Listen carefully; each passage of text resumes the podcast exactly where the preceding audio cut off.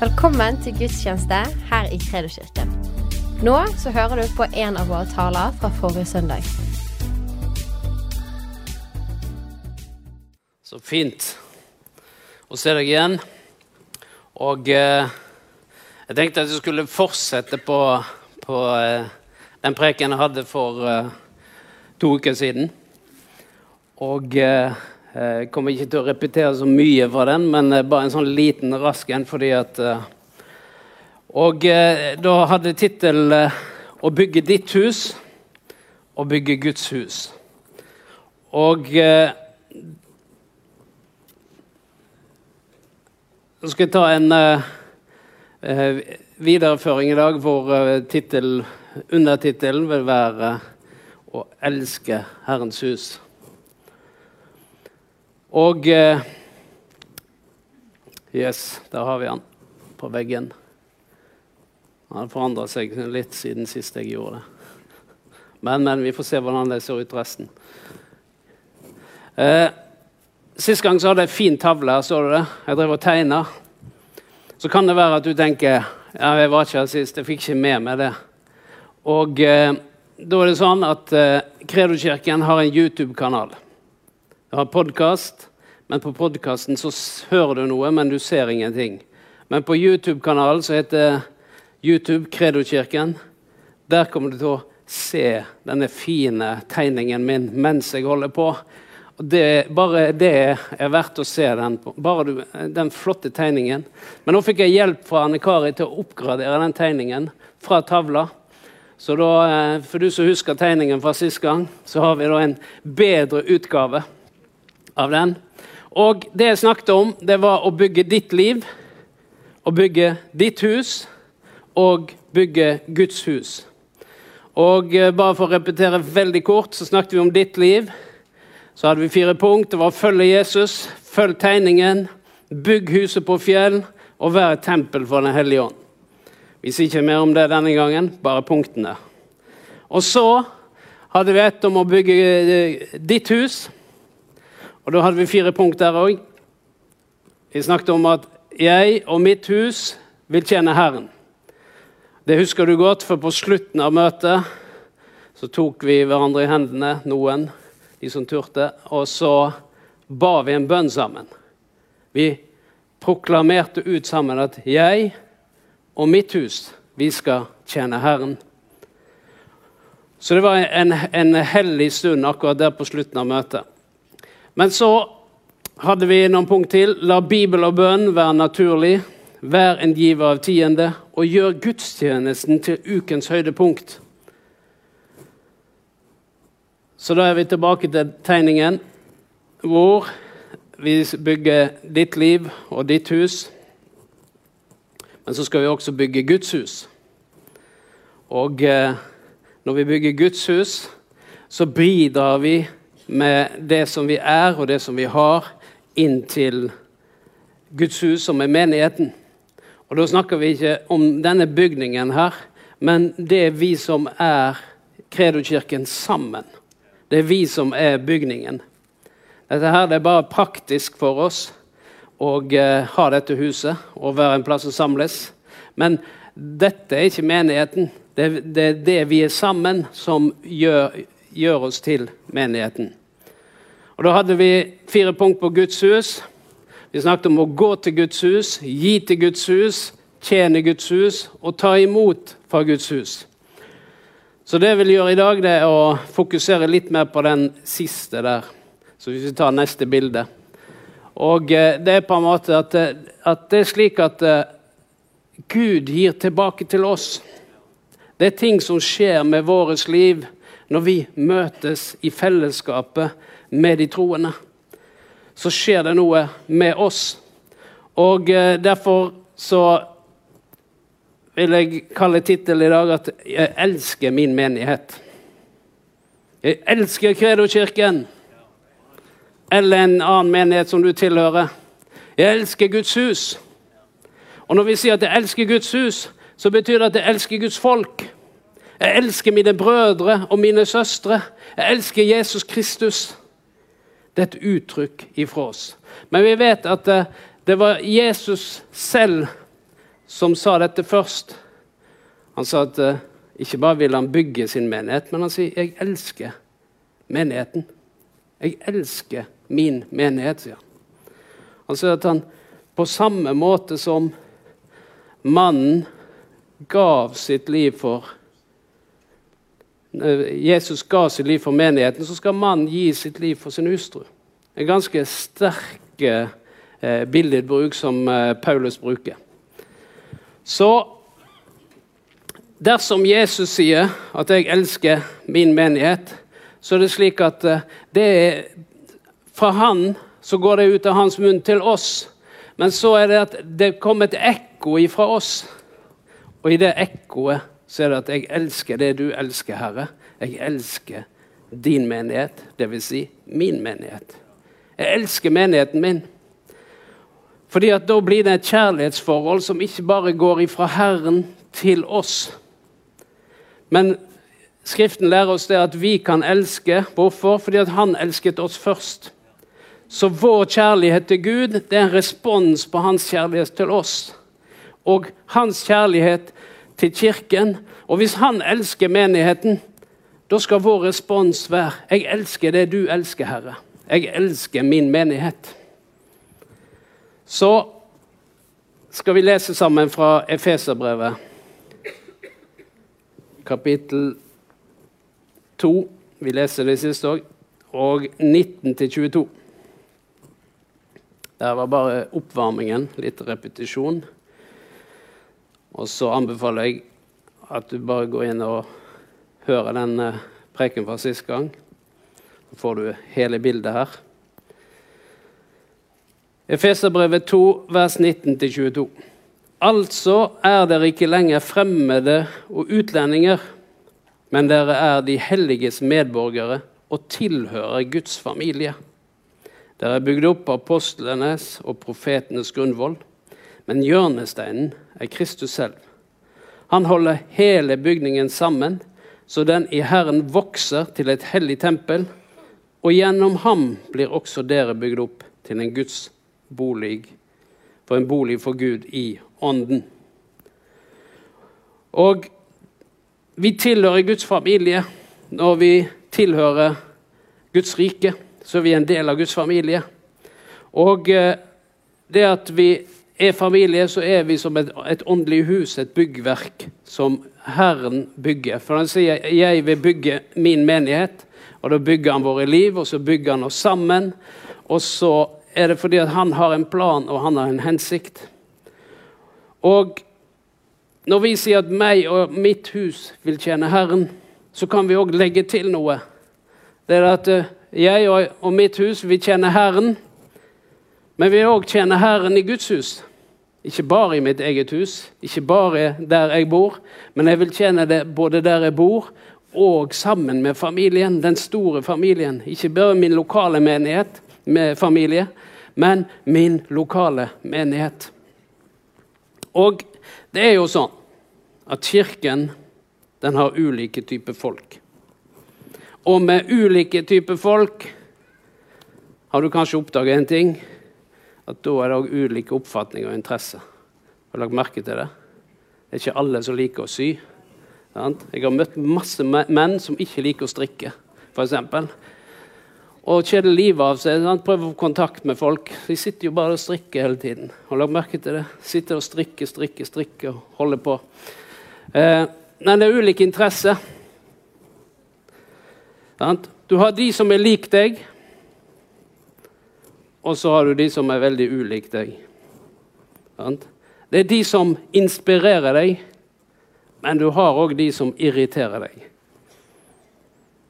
Det her er familien. Jeg vokste opp. Vi var fem søsken. Og søskenkjærligheten, den var stor. Men vi likte å irritere hverandre og erte hverandre. Jeg vet ikke om du hadde det sånn. Nei, jeg var enebarn, det var ingen som plaga meg. Nei, Men nei, i hvert fall hvis du har brødre, så blir du plaga. kanskje ikke søstre, men har du brødre, så blir du plaga. Så det var sånn at vi drev og erta hverandre. Men noen ganger så er det sånn i den store familien. Det er ikke det at noen absolutt vil irritere deg. Men noen ganger så blir du irritert av at noen er annerledes enn deg. Tenker annerledes enn deg. velge andre ting enn det du ville gjort. Men det er her Herren har puttet oss sammen i samme hus. Selv om vi er så ulike. Da får vi trent oss på å elske hverandre, gjør vi ikke det? En skikkelig trening på å elske hverandre. Og i det fellesskapet så slipes vi og formes vi. Og det kan være at det er ting i vårt liv som vi må forandre på, som vi ikke var helt klar over fordi jeg møtte en eller annen broder og så en søster. Og plutselig så oppdager jeg noe hos meg sjøl. Så istedenfor at jeg ba Gud om å forandre han, så begynte jeg å be Gud om å forandre meg. Så det er det kjærligheten gjør. Den virker midt i dette fellesskapet av ulikheter, av, eh, av uh, uh, ulike personligheter, alt det der. Så virker Gud. Og eh, nå skal jeg ta og snakke om tre ting. Tre ulike ting som, som menigheten gjør så, og vil hjelpe oss med. Så jeg har tre punkt. Det er tre K-er. For det er viktig at det, alle, at det begynner på likt. Så den første K-en den heter kobling. Det som er, er at menigheten hjelper meg på tre områder. Den hjelper meg til å kobles til Jesus. Og hvordan kobles vi til Jesus? Jo, når vi kommer sammen som menighet, så skjer det noe med en gang. Du kobles på. Selv om du kanskje sitter der og ikke har den beste dagen. Kanskje det er ting som foregår i livet ditt. Men med en gang du setter deg ned her og går inn i kirken, og setter deg ned, så kobles du på. Fordi plutselig så virker lovsang, undervisning og bønn. Den foregår i dette rommet. Men hvis vi da velger at eh, nei, eh, jeg føler meg ikke helt bra i dag, nei, jeg har hatt en dårlig uke, nei, jeg tror jeg holder meg borte, så er det bare det at eh, Det er ikke sånn at du da ikke at du er avkobla fra Herren, det er ikke det jeg mener. Men det er bare det når du kommer inn her, så trenger du ikke gjøre noen ting. Bare det at du er til stede, gjør at du sier, 'Herre, nå kan du betjene meg.' 'Nå kan du tale til meg.' 'Nå kan du oppmuntre meg.' 'Nå kan du styrke livet mitt.' For det er det som skjer i, i dette fellesskapet. Og når du kommer til menigheten, så er du kobla til fellesskapet, bare i det gudstjenesten vi er sammen. Men òg når du tilhører en life-gruppe, så er du kobla på. Du er kobla på flere andre. For det at du tilhører det lille fellesskapet, det gjør at det er noen som ser deg. Det er noen du føler deg nærmere knytta til enn andre. Derfor har vi life-gruppe i menigheten for at en plass hvor vi kan møtes i hjemmene. Og En annen plass som er lett å koble på, det er hvis du tjener på en eller annen plass i menigheten. Den beste plassen å bli kjent hvis du f.eks. er ny i menigheten, det er å si jeg har lyst, gjerne lyst til å, Er det en oppgave til meg? Jeg har gjerne lyst til å tjene. Med en gang så blir du kjent med noen andre som tjener på samme område. Uansett hva det er for noe, så får du noen du tjener sammen med. Og på den måten så er det lettere å koble på, fordi du blir kobla til fellesskapet. Også i alt dette så utvikles det gode vennskap. Det er det som skjer fordi at eh, du, du får venner mens du tjener. Du får venner mens du er i life-gruppe. Du får venner mens du er i gudstjenesten. Så det som menigheten gjør, den kobler deg til fellesskapet. Den kobler deg til Kristus og så kobler deg til en større hensikt. For det å være del av en kirke, det er noe større enn bare meg selv. Og det gir meg en hensikt. Du vet, I Kredokirken så har vi en visjon. Den heter at vi er et hjem hvor vi følger Jesus og gjør han synlig. Det må vi si høyt. Vi er et hjem hvor vi følger Jesus og gjør ham synlig. Det er det vi jobber med hele tiden. Vi ønsker at det, dette Kredokirken skal være som et hjem. Men i det hjemmet så ønsker vi å følge Jesus. Men ikke bare det at vi følger Jesus, vi ønsker at Jesus skal bli synlig gjennom det at vi følger ham. Så, så det er noe av visjonen. Og når du kobles til, så er det en større hensikt enn bare deg og ditt liv. Det er det hva kan vi være sammen? Hvordan kan vi være kirke sammen? Så det ene er at jeg elsker min menighet fordi den kobler meg sammen med Gud, den kobler meg sammen med andre mennesker, og det kobler meg sammen med en større hensikt. Den andre K-en, det er korrigering. Begynner å bli skummelt med en gang. Snakk om korrigering. Begynner å bli skummelt. Men det her er noe positivt. Jeg har prøvd å legge det på en positiv linje i dag. Så det er slik at vi påvirkes av den verden og det samfunnet vi er en del av. Hver eneste uke så påvirkes vi. Det er ikke sikkert du legger merke til at du påvirkes, men det er slik at vi påvirkes. Det kan være tanker, det kan være strømninger. Ikke sikkert du merker den påvirkningen etter én uke, men kanskje etter fire år. Kanskje etter ti år. Så begynner ting For det, det, former oss. Det samfunnet vi er en del av, de tankene vi er en del av, det former oss.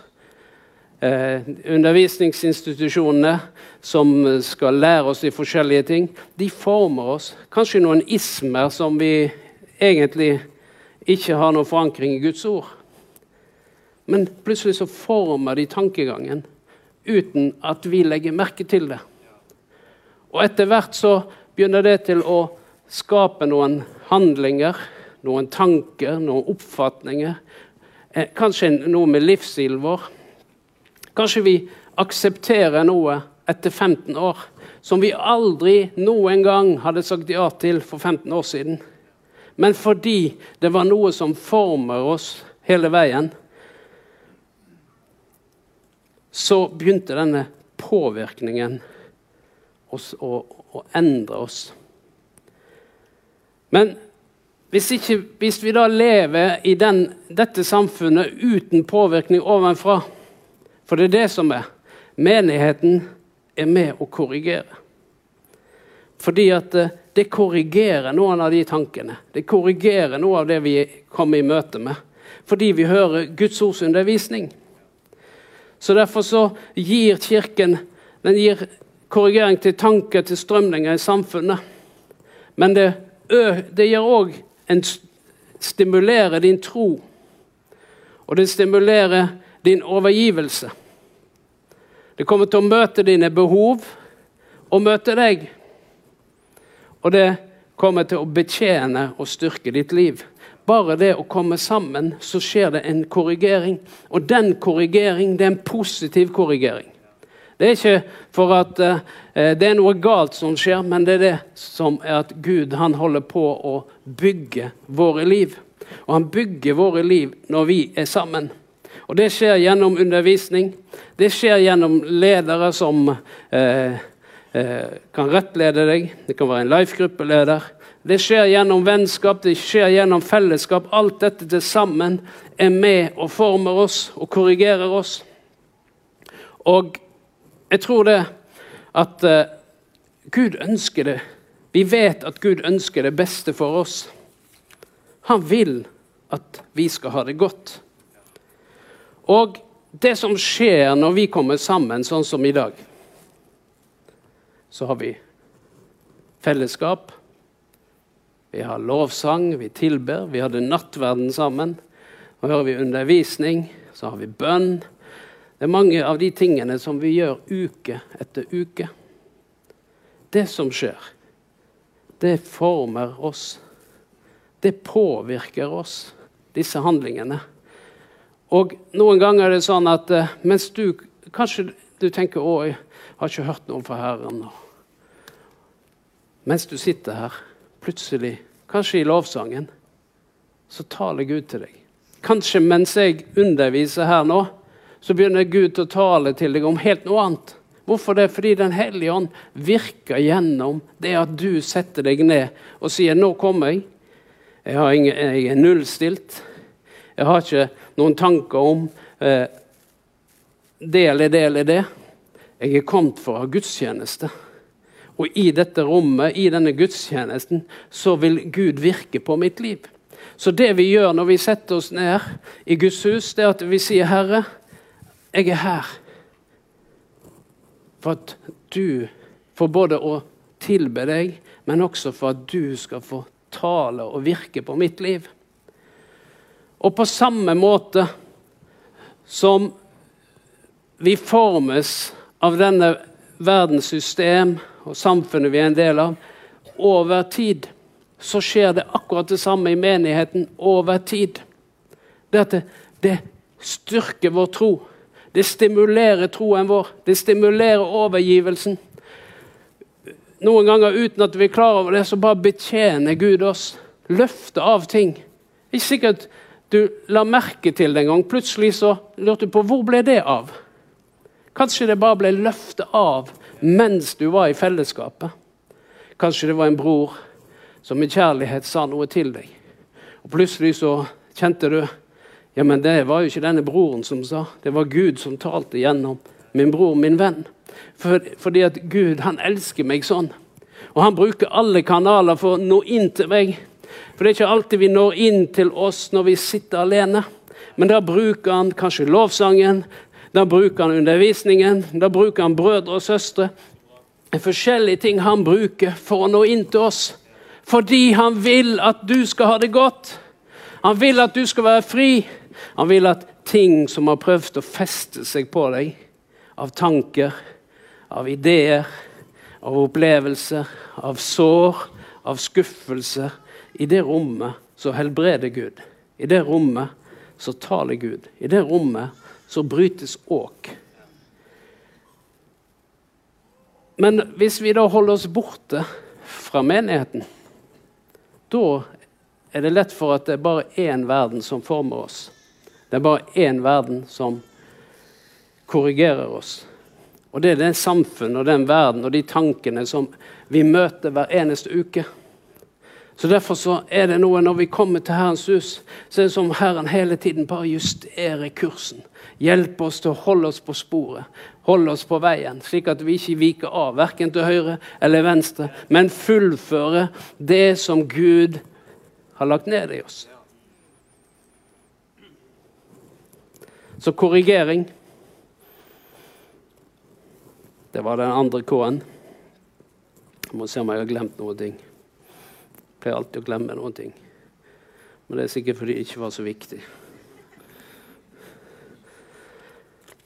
Den siste K-en er konstruksjon og funksjon. Det er slik at eh,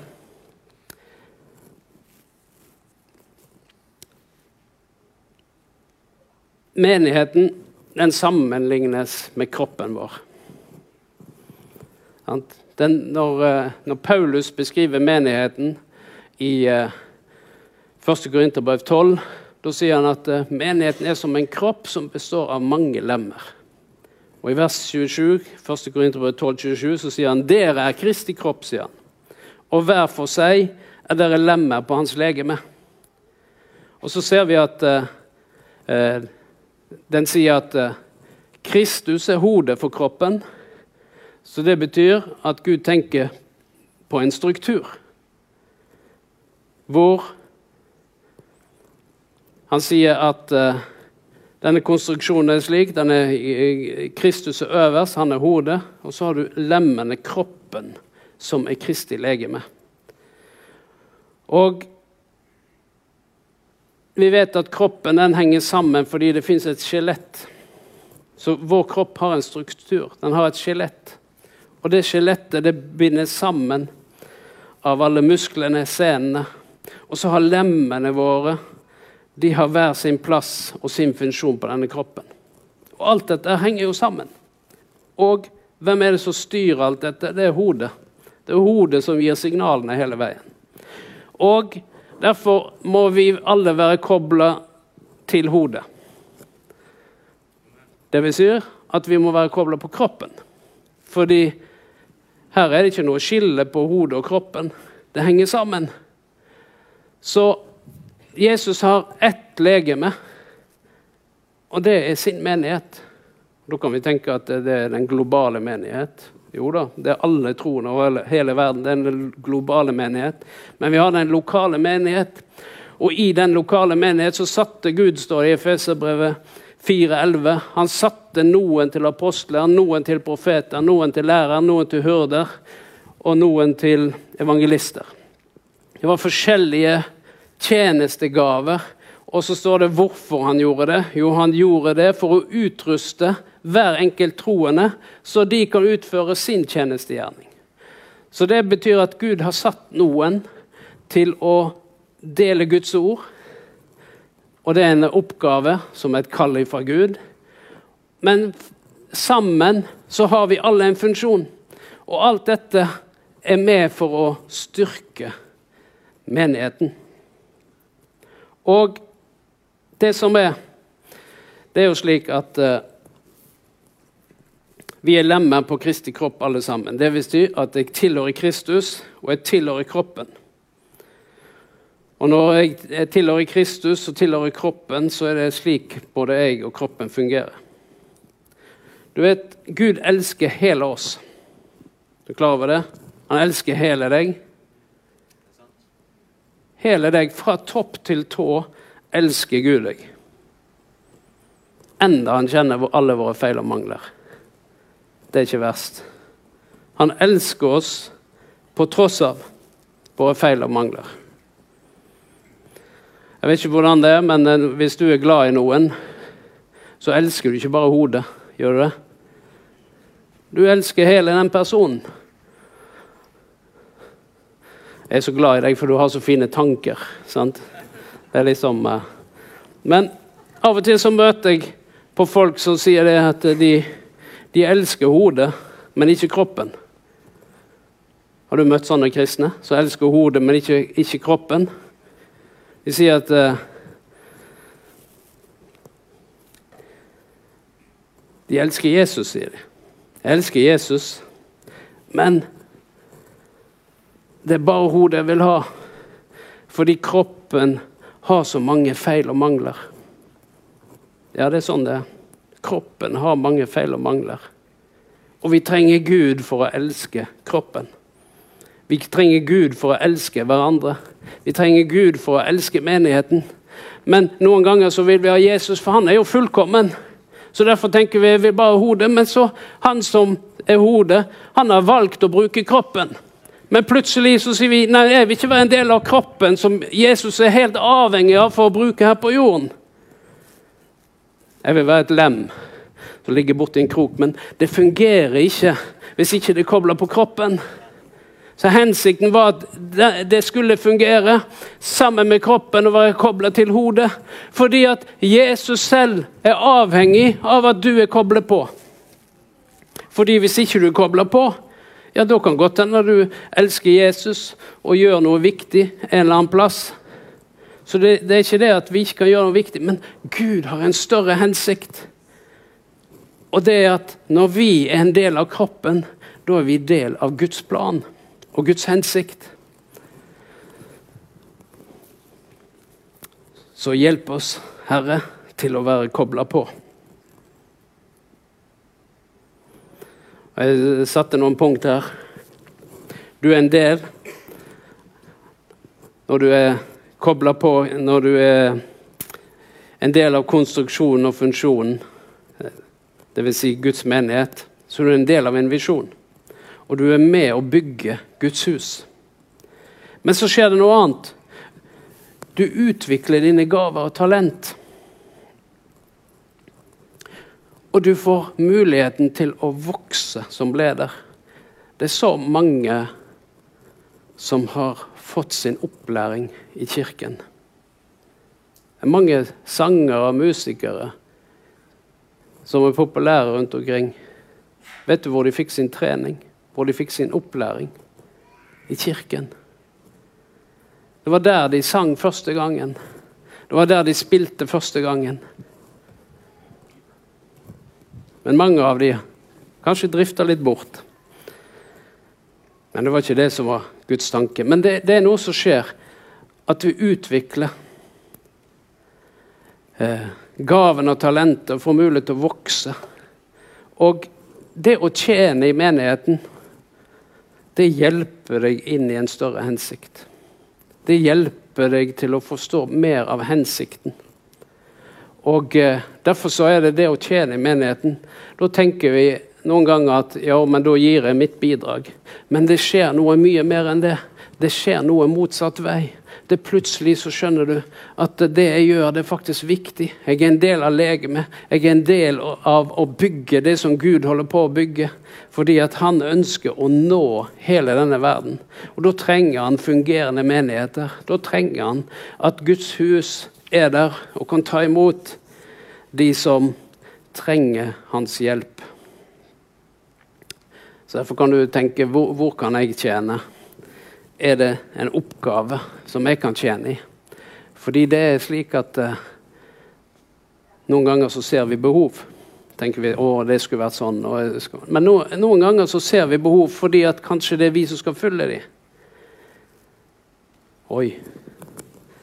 Noen ganger så kan vi tenke på ting som ikke fungerer. Men kanskje det er et tegn på at du skal tilby deg Kanskje du trenger du hjelp på det området. Og plutselig så tilbyr du din tjeneste. Og eh, Derfor kan du spørre deg sjøl hvor kan jeg tjene i menigheten. Er det en plass hvor jeg kan bidra? Det er fordi det skjer noe med deg sjøl. Noen ganger så feiler vi i det når vi, når vi presenterer forskjellige behov. Fordi plutselig så kan du tenke at du, det eneste vi er opptatt av, det er at du skal fylle et behov. Nei, egentlig så vil jeg snu på det. Når vi spør noen om å tjene på et eller annet område, så er min tanke at nei, det er fordi at vi ønsker å hjelpe deg inn i Guds hensikt. Ønsker å hjelpe deg til å være en del av noe større enn bare det du gjør hver eneste dag. Så det er litt av tanken. Så er det slik Det kan jo være at du sitter og tenker nei, men jeg elsker ikke menigheten. Da trenger du ikke ha fordømmelse. Det er punkt nummer én. Ingen fordømmelse for en som er Kristus. Men det kan være noen ting som Herren vil gjøre. Fordi noen ganger så har vi et hjerteproblem. Og det kan være fordi vi har sluppet ting inn i livet vårt. For Bibelen sier at vi skal bevare vårt hjerte framfor alt vi vil bevare. For livet går ut ifra det. Så noen ganger så må vi omvende oss fra holdninger, fra tanker, fra forskjellige ting som vi har sluppet inn i livet vårt. Så hva er løsningen på et hjerteproblem? Jo, det er omvendelse. Så kan det være at du er skadeskutt. For det hender òg det i menighet at vi blir skadeskutt på forskjellige vis. Fordi, som jeg sa, det var ikke noe fullkomment, det vi holder på med. Men da kan vi si til Herren jeg trenger helbredelse. For Gud vil helbrede det som er såra, det som er skuffa, det som på en eller annen måte er blitt skadeskutt. Så kan det være at du tenker at jeg ser ikke verdien av menighet. Da kan det være at du kan be Herre, gi meg åpenbaring. Lær meg, vis meg, slik at jeg ser. Eller du tenker nei, jeg har ikke tid. Da kan det være at du må si 'Herre, hjelp meg å prioritere', slik at jeg setter ditt rike først. Det kan være forskjellige grunn som gjør at, eh, at uh, ting pågår i vårt liv. Men én ting er sikkert. Det er det at menig, det, det handler ikke bare om det som vi bidrar med, men det er at Herren bidrar gjennom menigheten til oss. Så når jeg elsker menigheten min, så elsker jeg det som Jesus elsker. Da elsker jeg min menighet, og så kommer det til å treffe meg på forskjellige vis. Det kommer til å tale til meg, det kommer til å, å vise meg vei. Det kommer til både å Gi meg påkobling, korrigering, og jeg vil være en del av kroppen. Amen.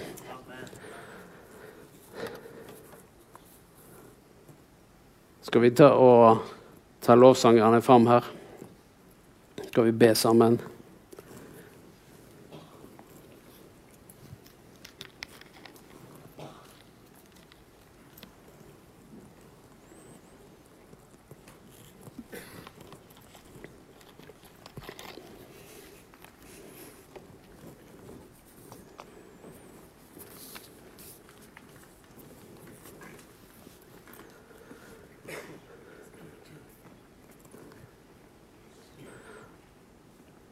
Når Jesus sier at eh, 'jeg vil bygge min menighet',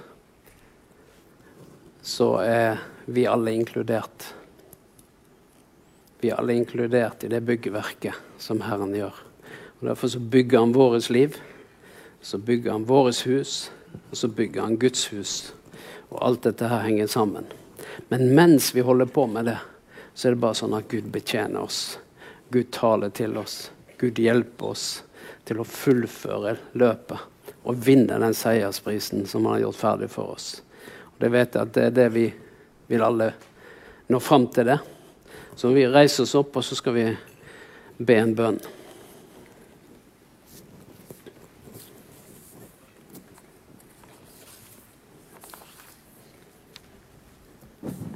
Vi bare takker deg, Herre, for din godhet og din nåde. Vi priser deg, Far, for at du taler til oss når vi kommer sammen. Og jeg ber, Far, for uh, det du har talt i dag, Herre, til noen av oss. Det du har oppmuntra noen til, Herre. Det du betjente i lovsangen, Herre. Bare takke deg, Herre, for hver enkelt en. Jeg priser deg, Far.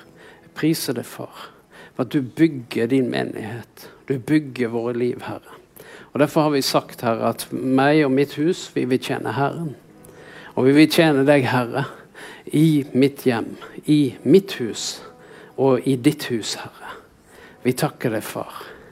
Vi takker deg, far, for at du bygger ditt rike, Herre. Og når du bygger ditt rike, Herre, så bygger du mitt liv. Så bygger du hver enkelt en. Og Derfor ber jeg, Herre, om det er noen som trenger helbredelse, Herre. Pga. Eh, skuffelser og sår eller tanker. Så ber jeg, Herre, at du kommer med din helbredelse, Herre. Du kommer med din helbredelse. Gjenoppretter det som har gått feil, det som har ødelagt, Herre. Ber deg om det, far. Ber om nåde og helbredelse, Herre. I Jesu Kristi navn.